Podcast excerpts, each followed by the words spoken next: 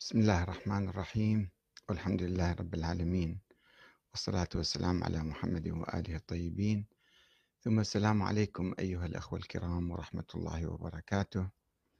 واصل فيما يلي آه، مذكراتي آه، الحلقة العاشرة آه، ويتحدث عن مرحلة الصدام الأولى مع نظام صدام حسين أو نظام البعث عموما قبل ما يبرز صدام حسين. ولابد من الإشارة آه، قبل ذلك إلى أني أسجل المذكرات من دون انحياز لأحد. لا عندي صداقة مع أحد ولا عندي عداوة مع أحد. كما أسجل المذكرات كما سمعتها وكما وعيتها وكما عرفتها في تلك الأيام ولعلي أكون خاطئا في بعض التفاصيل أو مشتبها أو ناسيا أو كذا. فأرجو من الأخوة أن يصلحوا لي أو يصححوا الخطأ اللي يشوفوه أو يفصلوا في معلوماتهم أيضا إذا عندهم معلومات تفصيلية. وقبل أن أدخل في صلب الموضوع أود أن أقول بأنه مثلا تيار الشيرازي بكربلاء ما كان عنده مشروع سياسي حركة ثقافية دينية. أه ربما السيد حسن الشيرازي كان عنده علاقات مع بعض السياسيين في بغداد. كان يروح ويجي. ما أعرف أنا ما كنت أتابع ما كنت كنت أصغر من أن أعرف ماذا يجري آه، بين السيد حسن وبغداد. ما كنت أعرف شيء وأمور سرية كانت يعني لم تكن معلنة. آه، السيد محسن الحكيم كان هو المرجع الأعلى للشيعة في تلك الأيام. وهو والمرجعية في النجف عموما. أيضا ما كان عنده مشروع سياسي. السيد آه، مهدي الحكيم رحمة الله عليه يذكر في مذكراته مذكر عنده مذكرات صغيرة جدا. يذكر أنه إحنا كنا نعرف راح يصير انقلاب وكما حدثتكم في حلقة سابقة آه، أحد الشيوخ عندنا في الطلبة الطلبة في حوزة آه، ابن فهد الحلي كان يخبرنا أنه سوف يحدث انقلاب. يعني كل الناس كانوا يعرفون النظام ضعيف نظام عارف. وهناك مؤشرات لحدوث انقلاب خاصة بعد هزيمة حزيران اللي هي طبعا غيرت كثير من الأنظمة العربية. آه، السيد الحكيم أيضا ما كان عنده مشروع سياسي وهناك لقاء معروف جرى بينه وبين الإمام الخميني سنة 65 عندما جاء الإمام الخميني إلى العراق والتقى به. فالإمام الخميني آه، حرض أو حث السيد آه، الحكيم على يعني لعب دور سياسي أو مثلا استلام السلطة أو شيء من القبيل. آه، فكما ينقل المؤرخون وخاصة في كتاب صفحة نور أكو كتاب يعني يؤرخ الإمام الخميني أن الإمام السيد الحكيم قال له أنا حسني يعني مو ثوري وأنت حسيني. أنت حسيني أنت قد تكون ثوري. طبعا بالتاريخ الحسنيين كانوا هم الثوريين والحسينيين ما كانوا ثوريين بتلك الصورة يعني بصورة عامة نتكلم. المهم كان ما عنده مشروع المرجعية كانت آه، يعني آه، مؤمنة بنظرية الانتظار للإمام المهدي الغائب. ومرة حدثتكم سابقا آه، عن موقف المرجعية من تأسيس حزب الدعوة. وتفكيره وتخطيطه لإقامة دولة إسلامية على أساس الشورى. فقال له العلماء تلك الأيام السيد الحكيم والسيد الخوئي والشيخ الحلي الشيخ حسين الحلي وآخرون قالوا له بأنه الشورى هذه مو فكرتنا فكرة السنة. وما نؤمن بالشورى ولا نؤمن بإقامة حكم إسلامي في عصر الغيبة لأنه هذا ما يجوز. وكما ينقل السيد مهدي الحكيم عن الشيخ حسين حلي اللي هو كان مدير مكتب إفتاء السيد الحكيم وكان أعلم من الخوئي هذا بس هو ما صدى المرجعية بعد الحكيم ومات بعده. ينقل عنا السيد مهدي الحكيم أنه هذا كان يأنبنا ويعترض علينا أنه أنتم ليش قاعد تسوون أعمال سياسية؟ آه هذه آه، يعني آه تخربط الطريق أو تخربط الفكر خلوا الإمام المهدي يعرف يشوف دربه. هو وقت ما يشوف الظروف مناسبة سوف يخرج. يعني هكذا كان ينظرون. هذا مدير مكتب السيد الحكيم. مدير مكتب الإفتاء مو مكتب الإدارة. فهذا الفكر كان موجود. ولكن أيضا الشيخ محمد رضا المض... الشيخ محمد رضا الشبيبي أيضا يذكر في مذكراته أنه يعني بدعم من السيد الحكيم ربما في أيام عارف. طرحوا فكرة تشكيل حكم يعني مدني أو يعني شيء من هالقبيل. بس تفاصيله ما موجود. يعني مثلا انتخابات هل كان يؤمن الحكيم بالانتخابات؟ ما أعرف. آه، حقيقة ما أعرف. ما يبدو هذا الشيء. يعني ما كان في فكر سياسي. ولا في خطة التصعيد. مثلا واحد نظام موجود نظام العراقي مثل نظام لبنان مثلا. السيد موسى الصدر عندما ذهب إلى لبنان لم يحلم بإقامة حكومة إسلامية أو لم يفكر في ذلك إنما جعل من نفسه قائدا شعبيا بتبني مطالب الناس العامة وبالتالي أصبح يعني زعيم كبير وقائد في البلد وأسس حركة معلومين في العراق ما عندنا مرجع من المراجع أو قائد حزب حتى. الحزب حزب الدعوة كان سري. ما معلن وكان الناس ينفونه ما ما في شيء اسمه حزب الدعوة كان يقولون بعض الناس. آه، المرجعية ما عندها مشروع سياسي لا الحكيم ولا الخوئي ولا غيره. ف آه، اجى نظام صدام حسين وكان يعرف الحكيم راح يصير انقلاب وراح يجون البعثيين. آه، ما قام بأي حركة ضد هذا النظام. ما قام بمظاهرات إضراب مثلا ما يعني علاقته المرجعية مع الناس علاقة فتوى ومسائل شرعية والهلال شو وقت يطلع واليوم عيد لو ما عيد. بس هذه كانت المرجعية وأخذ أخماس مثلا إذا الناس يعطون. بالعراق ذيك الأيام ما كان أحد يعطي خمس هواي يعني. ما كانت تعتبر. الأخماس المعتمد عليها كان آه، على إيران بازار طهران يعني. أو الدولة الإيرانية. من وراء البازار الله أعلم. فالسيد الحكيم إذا ما كان عنده مشروع ولم يجابه حزب البعث وحزب البعث من اجى مرة ثانية 68 عنده تجربة سابقة ب 63 وكان مكروه والناس كلهم يكرهوه وخايفين من عنده وما يحبوه. لذلك ظل أسبوعين تقريبا متكتم أو متلثم. لم يسفر عن هويته. لم يقول مثلا إحنا نظام حزب البعث جاي للسلطة.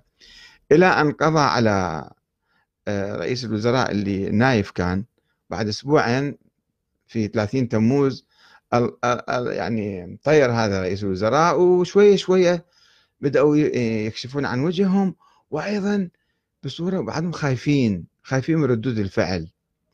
ما كان يعني آه، جايين بقوة وب أول ما أجوا طبعا أخذوا بوش الناس كما يقولون بالعراق قام بحملة إعدامات.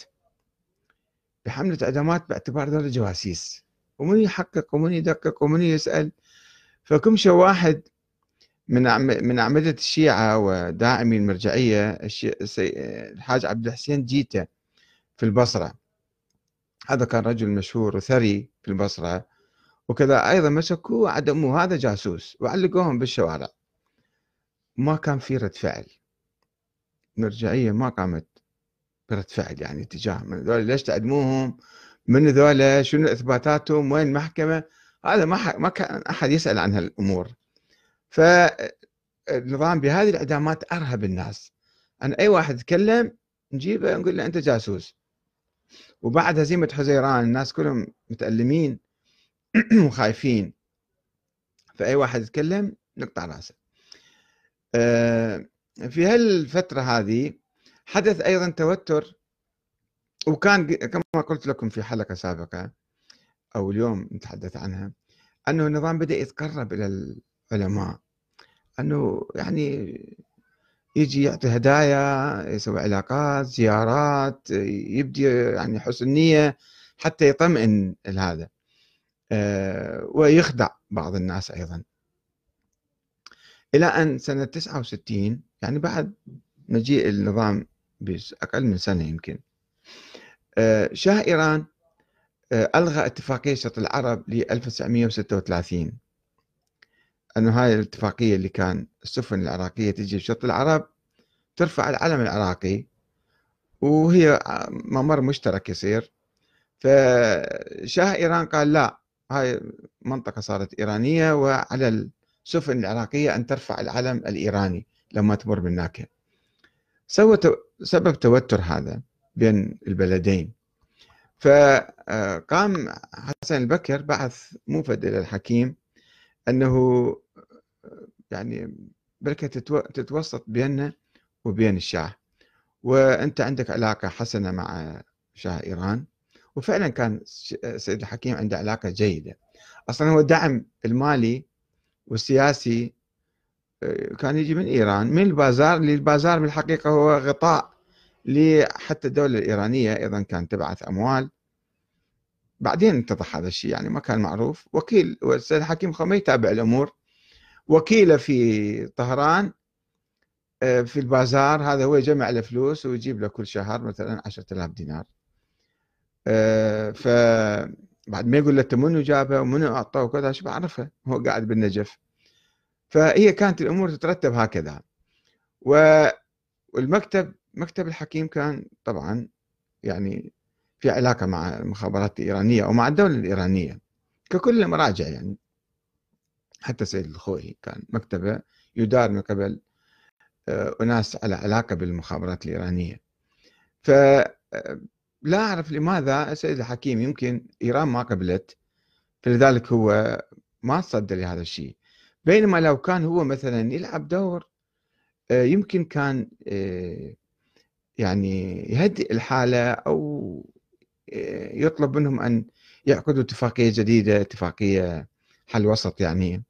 وتعرفون بناء على ذلك تطورت الأمور سلبيا كثيرا مو فقط مع الحكيم بين نظام الحكيم بين بين نظام حزب البعث والشيعة إنما بين العراق وإيران عموما اللي صارت يعني بعدها آه، شاه إيران حاول يقوم بانقلاب آه، انقلاب الراوي بنفس 69 أو 70 آه، وفشل هذا الانقلاب. وبعدين شاه إيران نظام صدام سوى اتفاقية آذار 71 آه، وفشلت هذه الاتفاقية. آه، نظام آه، شاه إيران دعم التمرد الكردي في 74 وأضطر صدام حسين أن يذهب إلى الجزائر ويوقع اتفاقية الجزائر مع شاه إيران سنة 75 اللي بعدين اجى بعد الثورة الإيرانية مزق لأنه ما كانت في صالح العراق.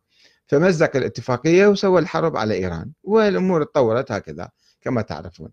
الآن نتحدث عن موقف المرجعية. المرجعية كان عندها قوة شعبية ذيك الأيام وهي لم تطور قوتها ولم تدعم حزب الدعوة. لم تدعم حزب الدعوة. يعني حزب الدعوة كان يشتغل في ظل المرجعية.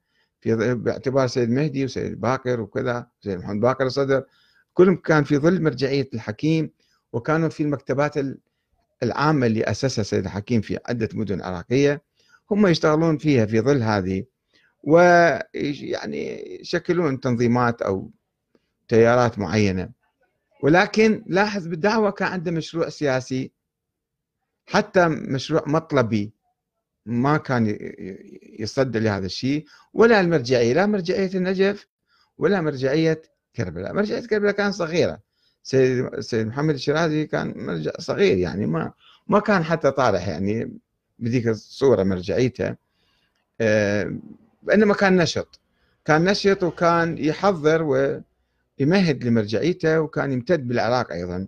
عموم المحافظات العراقية كان يجون ناس زوار الكربلة فيزوروه ويصلون وراءه وبالتالي هو يلتقي بهم دائما ديوانيته مفتوحة ويطلب من الشباب أن يجوا يتعمموا ويدرسوا بالحوزة بكربلاء وذولا كانوا أدواته وأياديه للتوسع في العراق.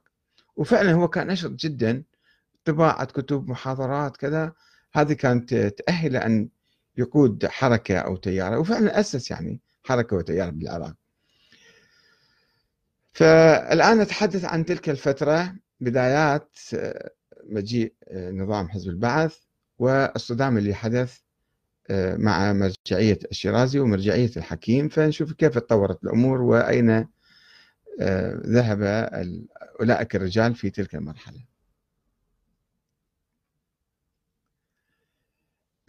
أتحدث اليوم عن موضوع اعتقال السيد حسن الشيرازي في سنة 1969 بينما كانت حركة السيد محمد الشيرازي الثقافية الإسلامية منطلقة في كربلاء والعراق وتكتسب المزيد من الأنصار والأتباع.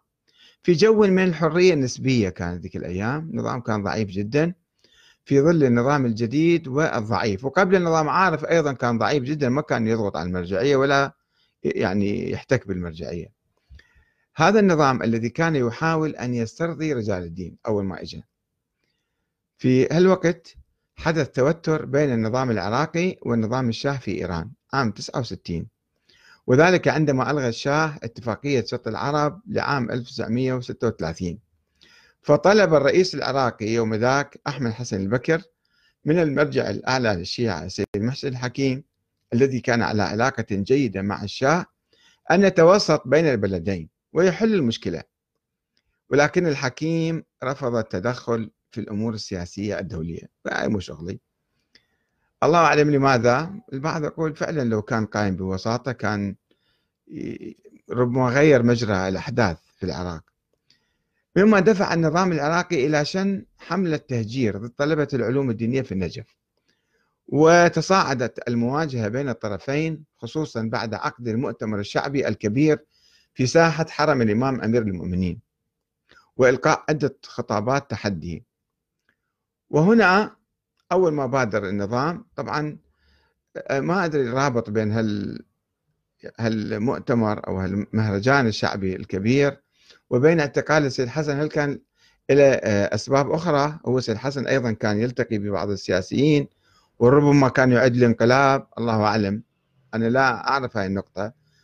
ربما الناس القريبين من السيد محمد الشيرازي أو سيد حسن ربما يذكرون سيد مجتبى الآن أخوه. سيد صادق موجود الشيرازي. إذا إذا صار لهم فرصة يتحدثوا عن هذه المرحلة وعن أسرار هذه القضية ممكن يفيدونا يعني. وذلك عن طريق الخدعة. آه، وهنا ألقى النظام العراقي القبض على السيد حسن الشيرازي أخو السيد محمد الشيرازي والسيد صادق عن طريق الخدعة وذلك بدعوته إلى بغداد لبحث مشكلة الحدود بين بلدين على أساس وأعتقلوه. ولا أعرف الحقيقة أنا. بصراحة يعني. وكان السيد الحكيم سيد محسن الحكيم يشعر بقوة شعبية كبيرة في مواجهة النظام البعثي المكروه من قبل عامة الناس. فهنا السيد الحكيم أيضا بادر آه، إلى آه، آه، يعني ذهب إلى بغداد والكاظمية في جولة سياسية جماهيرية. والناس قاموا يزوروه وكذا حتى يثبت وجوده وشعبيته ليضغط على النظام. طيب يضغط على النظام بعدين شنو يصير؟ هل كان عنده برنامج لإسقاط النظام؟ ما أعتقد. عنده بديل؟ ما أعتقد. الله أعلم. ما ما سمعت يوما بذلك.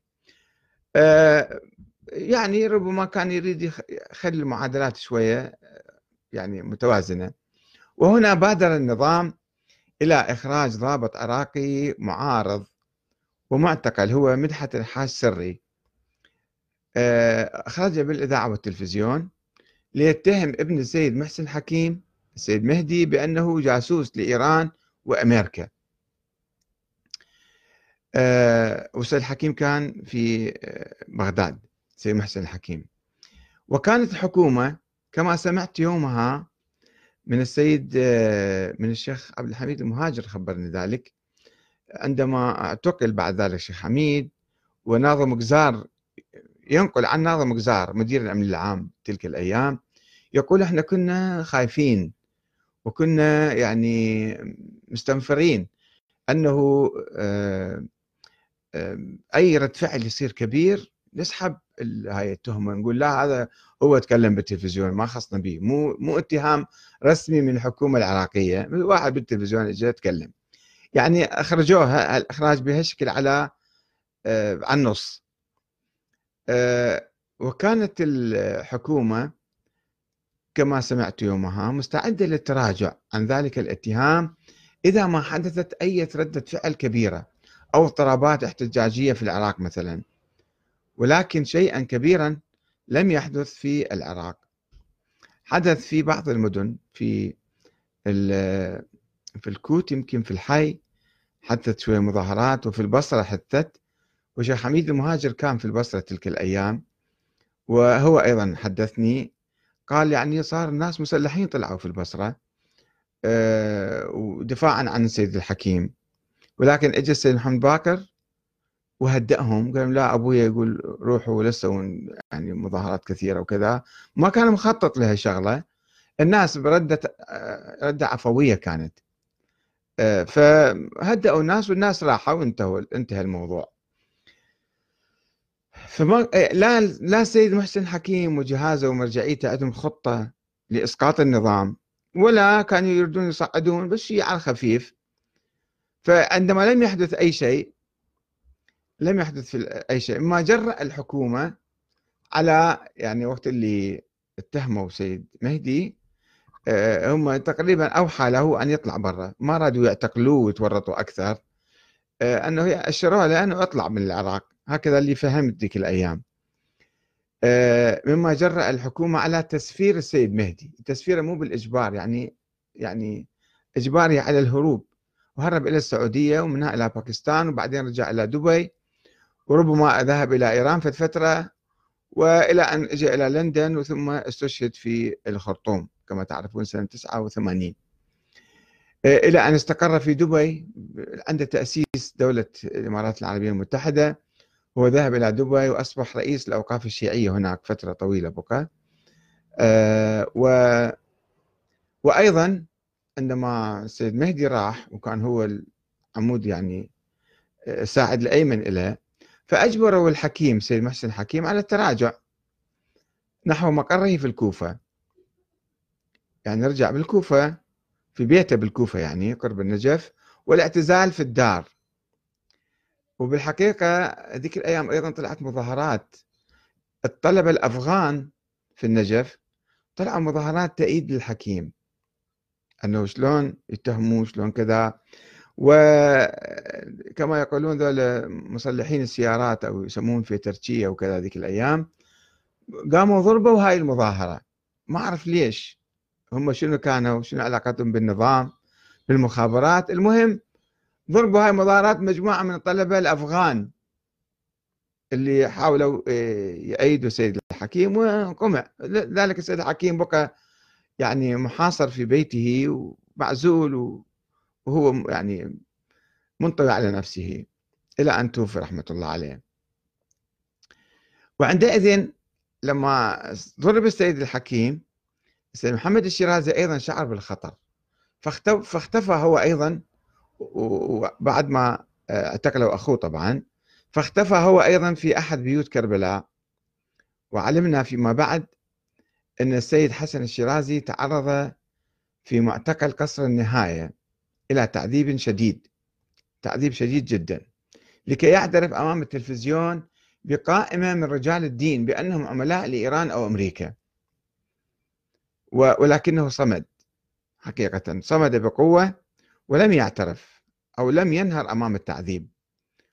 وقامت حركة الشيرازي أو جماعة الشيرازي بحملة إعلامية واتصالات دولية في خارج العراق في لبنان خصوصا من أجل إطلاق سراحه. آه، بعد تسعة أشهر تم نقله إلى سجن بعقوبة. وبقى فترة هناك وأطلق سراحه وعندما تم نقله من معتقل قصر النهاية اللي كان له سمعة جدا رهيبة ذيك الأيام استأجرت ميني باص يسع 18 راكب ودعوت بعض الأصدقاء طلبة يعني وذهبنا إلى زيارته في سجن بعقوبة. وهناك لم نستطع التعرف عليه من شدة الضعف والتعذيب والهزال اللي صار عنده. ورأينا أظافر, أظافر يديه مقلوعة كانت سوداء وآثار عقاب سجائر على صدره ولكنه كان في حالة معنوية عالية جدا. طبعا ذيك الأيام يقولون كيف رحتوا جرأتوا؟ ما كان النظام بعده متوحش بهذه الصورة. بعده كان يعني بعده ضعيف. وإحنا أخذنا باص ورحنا زرنا معتقل سياسي. وبعد ذلك السيد حسن أفرج عنه فذهب للعلاج في لبنان آه، وكما تعرفون هو أيضا أقام علاقات جيدة مع نظام حافظ الأسد. آه، نظام حافظ الأسد كان تعرفون هو ينتمي للطائفة العلوية والطائفة العلوية يعني مو فقط السنة كانوا يكفروهم حتى الشيعة حتى سيد الشيرازي في في رسائله العملية الأولى كان يعتبر ذلك آه، كفار يعني غلاة ولكن المسألة على أرض الواقع شيء آخر يمكن هو سامع من قديم ما عنده احتكاك أو أو معرفة دقيقة على حقائق الأمور. فعندما ذهب السيد حسن إلى لبنان وسوريا وتعرف على علمائهم وعلى آه، جمع مجموعة من علماء آه، سوريا من العلماء العلويين يعني. وكان يسموهم النصيرية فهم فضلوا اسم العلويين مو النصيريين. وأصدروا بيان بأننا شيعة اثنا عشرية. شيعة اثنا عشرية مو غلاة ولا مثلا عندنا أفكار منحرفة وكذا. وهذا آه، سبب خدمة للنظام. وأيضا سوى علاقات بين مرجعية السيد الشيرازي مع النظام السوري. والسيد حسن يعني بنبذة مختصرة عنه أيضا. آه، كان عنده بعد شوية استراتيجي كما يقولون. ذهب إلى أفريقيا أيضا إلى غرب أفريقيا واتصل بالشيعة هناك وجلب مجموعة من الشباب الأفريقي للدراسة في حوزة أو مدرسة أسسها في بيروت في برج البراجنه وأنا رحت زرت المدرسة هذه. وشفت الطلبة هناك. آه، فكان عنده نظر أنه يقوي التشيع والحركة الشيعية في غرب أفريقيا. والآن كما تعرفون حركة واسعة صايرة ونيجيريا مثلا فيها ملايين الشيعة يمكن. وفي غرب وفي غرب أفريقيا عموما. آه، ولكنه في لبنان مثلا كان أيضا يروج لمرجعية أخيه السيد محمد الشيرازي. وطريقته في العمل كانت تقوم على يعني كسب رجال الدين. وكسب رجال الدين أكثر شيء كان يتم بالمال توزيع رواتب عليهم. فكان يجون كثير من الطلبة هم هاي حياتهم يعني وين المرجع يعطي فلوس هم يركضون وراه. آه، مع احترامي لهم يعني ولكن هذا شيء واقع. آه، وبالتالي هو كان يحلم بأن يكون هو يعني زعيم الشيعة في لبنان أو مثل السيد موسى الصدر. فكان في منافسة بينه وبين السيد آه، موسى الصدر. وعندما بدأت الحرب الأهلية في لبنان بال 75 والسيد موسى يعني في البداية أخذ آه، وأسس المجلس الإسلامي الشيعي الأعلى في أيام شارل الحلو الرئيس اللبناني في في الستينات. في 69 يمكن أسس هذا المركز. المجلس يعني اللي رسمي يمثل الطائفة الشيعية. فكان السيد حسن ربما يهدف أن يكون هو رئيس المجلس. فكان في آه، في تنافس معه خاصة عندما السيد السيد موسى الصدر اختلف مع النظام ومع المسيحيين وصارت حرب بين مسلمين ومسيحيين والشيعة كانوا مع الفلسطينيين ومع هذا. فهو دخل على الخط وأقام علاقات مع بشار بشير الجميل. آه، وكان وإلى صورة ملتقي معه ربما كان هو يهدف أنه يقيم علاقات بديلة عن السيد أو هو النظام بشير الجميل. النظام المسيحي يعني كان يهدف آه، خلق يعني زعامة أخرى. ولكنه ما ما تطور وما أصبح حالة شعبية لأنه هو سيد موسى كان عنده حركة جماهيرية وحركة حركة أمل وسيد سيد حسن كان فقط في مع الطلبة والشيوخ وكذا يحاول يسوي مرجعية. وفشل بها بالتالي إلى أن آه، في سنة 80 عندما آه، استشهد السيد محمد باكر الصدر هو ذهب أقام فاتحة له وفي طريق الفاتحة اغتيل على شاطئ بيروت آه، وذهب إلى ربه رحمة الله عليه. سيد مهدي الحكيم ذهب إلى دبي كما قلنا ثم انتقل بعد الحرب العراقية الإيرانية بالثمانينات يعني انتقل إلى لندن وأسس مركز أهل البيت في 84 كما أعتقد. آه، و بقي معارضا هنا إلى 89 عندما آه، حدث انقلاب في السودان. وجاء حسن الترابي وأقام مؤتمرا فذهب لذلك المؤتمر واغتاله آه، أعضاء بالسفارة العراقية مخابرات اغتالوه في آه، أمام فندق في الخرطوم. هذه الشخصيتين. نجي إلى يعني في تلك الفترة طبعا توفى السيد الحكيم فبدأت معركة المرجعية. السيد محمد الشيرازي كان يطمح أن يكون هو مرجع كبير إذا مو أكبر أن يكون إلى توسع في العراق. ويبدو المرجعية السيد محمد الشيرازي كان آه، معارض لإيران معارض للشاه واستقبل الإمام الخميني في 65 ورحب فيه واحتفالات ويعني لافتات سواها في الشوارع وأنا أتذكر كنت يعني طفل. كنا في الكشافة رحنا زرنا الإمام الخميني وقرأنا أناشيد أمامه. والسيد الشرازي أعطى آه، إمامة الجماعة إلى الإمام الخميني عندما كان في كربلاء. فكان عنده علاقات مع الثوار الإيرانيين ومعارض للشاه. والمرجعية في النجف لم تكن بعيدة عن أصابع المخابرات الإيرانية آه، سواء في أيام الحكيم أو السيد الشهرودي أو السيد آه، الخوئي. آه، السيد الشهرودي كان عصي وما كان يقبل ولكن أبنائه يقال أقاموا علاقات مع مع نظام إيران نظام الشاه أو المخابرات الإيرانية. والسيد الحكي السيد الخوئي طبعا السيد النخشواني أصبح مدير مكتبة. وهذا شخص معروف بعلاقاته من قديم من أيام سيد أبو الحسن الأصفهاني. علاقاته مع المخابرات الإيرانية. فكان هناك صراع. السيد الشرازي كان يتوسع في العراق وحتى النظام البعثي عندما جاء عرض عليه الجنسية وعرض عليه يعني مساعدات ودعم وإعطاء حرية في البداية ولكن بعد الاشتباك اللي حصل حصل الانقلاب كما قلت لكم. ولكن ظلت المعركة بعيدا عن النظام العراقي المعركة ظلت معركة المرجعية. طبعا النجف لا تعترف بمرجعية أو باجتهاد السيد آه، محمد الشيرازي. طبعا هو كان أيضا لا عميق في الأصول ولا عميق في الرجال ولا عميق في يعني هو كان ابن مرجع فأصبح مرجعا.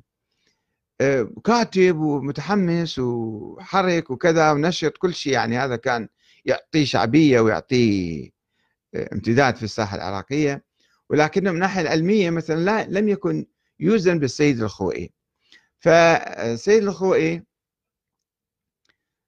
آه، بعد فترة طبعا سنة 71 ربما أو 72 أصدر أيضا فتوى هي مو هي مو مو مجال فتوى ولكنه يسموه فتوى أنه سيد لم يثبت لدينا اجتهاده وأستاذه يقول الشيخ يوسف الخراساني يقول أنه هذا لا مو مجتهد ما واصل مرحلة الاجتهاد ولكن المسألة ما ما تعتمد على الاجتهاد. يا ما مجتهدين أو ناس مرشحين المرجعية ما حد يعرف لهم لا كتاب ولا فقه ولا بحث ولا مسائل فقهية مثلا إبداعية أو تثبت اجتهادهم. بالدعاية والإعلام. الدعاية والإعلام يلعب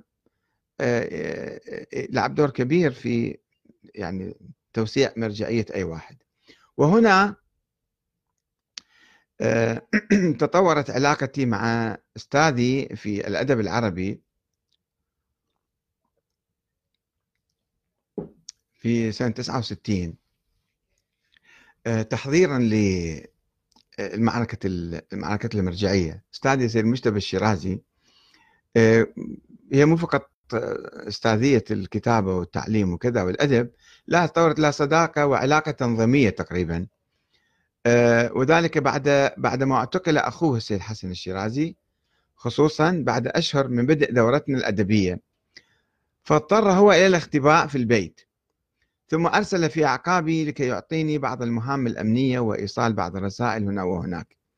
وعندما دخلت معه إلى البيت شاهدت مذياعا كبيرا في قبو البيت. ورغم أني كنت أتفهم في ذلك الوقت وجود الراديو ولمتابعة الأخبار السياسية إلا أنه راح يشرح لي بكثير من التبسيط جواز الاستفادة من الراديو شرعا. يعني شيء الآن واحد الأخوة يضحكون ويستغربون أنه معقولة هذيك الأيام الراديو كان حرام مثلا أو لازم يعطوا فتوى به حتى واحد يسمع راديو. فعلا ذيك الأيام الجو العام عند المتدينين وبالحوزة كان هذه الصورة صدقوني. يعني ما كنت تشوف الشيخ مثلا يقرأ جريدة. أو راديو يسمع أخبار تلفزيون قطعا ما كان أحد عنده تلفزيون ولا في بيت أحد من الناس من الطلبة والعلماء والمشايخ. أه ولم أضيع وقتي كثيرا فقد اقتنيت سريعا جهاز ترانزستور وكنت أسمع به الأخبار ولكن كان علي أن أغلق الباب على غرفتي في الحوزة في المدرسة عندما أريد استماع الأخبار. إذ كان هذا الأمر لا يزال مستهجنا في أوساط الحوزة عام 69 أما التلفزيون فلم يكن قد غزا بيوت المتدينين بعد وكان الخطيب السيد كاظم القزويني يشن حملات عنيفة على المنبر على أصحاب البيوت الذين ينصبون الأريلات لالتقاط البث التلفزيوني. وأتذكر أنه عندما هبط أول إنسان على القمر سنة 69 جلب أحد الأشخاص جهاز تلفزيون إلى سطح مدرسة ابن فهد الحلي وكان صيف ذيك الأيام. بإذن خاص من السيد محمد الشيرازي الذي حضر بنفسه أيضا لكي يشاهد عملية الهبوط نفس الوقت. وقد كنت أحد الحاضرين والمشاهدين أيضا وكان هذا استثناء فريدا لم يتكرر بعد تلك الساعة. منو عنده تلفزيون يتابع أخبار شو يصير ما يصير؟ وفي وقت لاحق بعد وفاة الحكيم كلفني السيد مجتبى هو أستاذي ومنظمي تقريبا آه، بطباعة بيان ضد أقطاب في مرجعية السيد الخوئي كالسيد مرتضى الحكمي كما أتذكر الآن. وإرسالي عبر البريد إلى عناوين محددة في بغداد وفي النجف آه، ولكن آه، عدم إرسالي من كربلاء وإنما من وين؟ من الكاظمية وبغداد والنجف. البريد حتى يطلع منك لا يبين أنه هذا صادر من كربلاء. حتى لا يعرف أحد مصدر البيان. وقد كان البيان يخدم مرجعية السيد محمد الشيرازي بصورة غير مباشرة. دي يضرب بمرجعية السيد الخوئي. وعرفت فيما بعد أنه تسبب بأثر سيء جدا آه، في يعني في الأجواء الدينية بين تيار الحكيم وتيار الشيرازي وتيار كذا. وهذا نوع من الصراع على المرجعية. أكو صراعات خفية تجري. إشاعات دعايات مناشير آه، الله أعلم يعني. حركات دائما موجودة في هذه الأمور. آه، أنا كما أشرت في المقدمة يعني أسجل الأحداث كما وعيتها وسمعتها ورأيتها في تلك الأيام ولست منحازا لا إلى سيد حسن الشيرازي ولا إلى سيد الحكيم لا مع هذا ولا ضد مع هذا.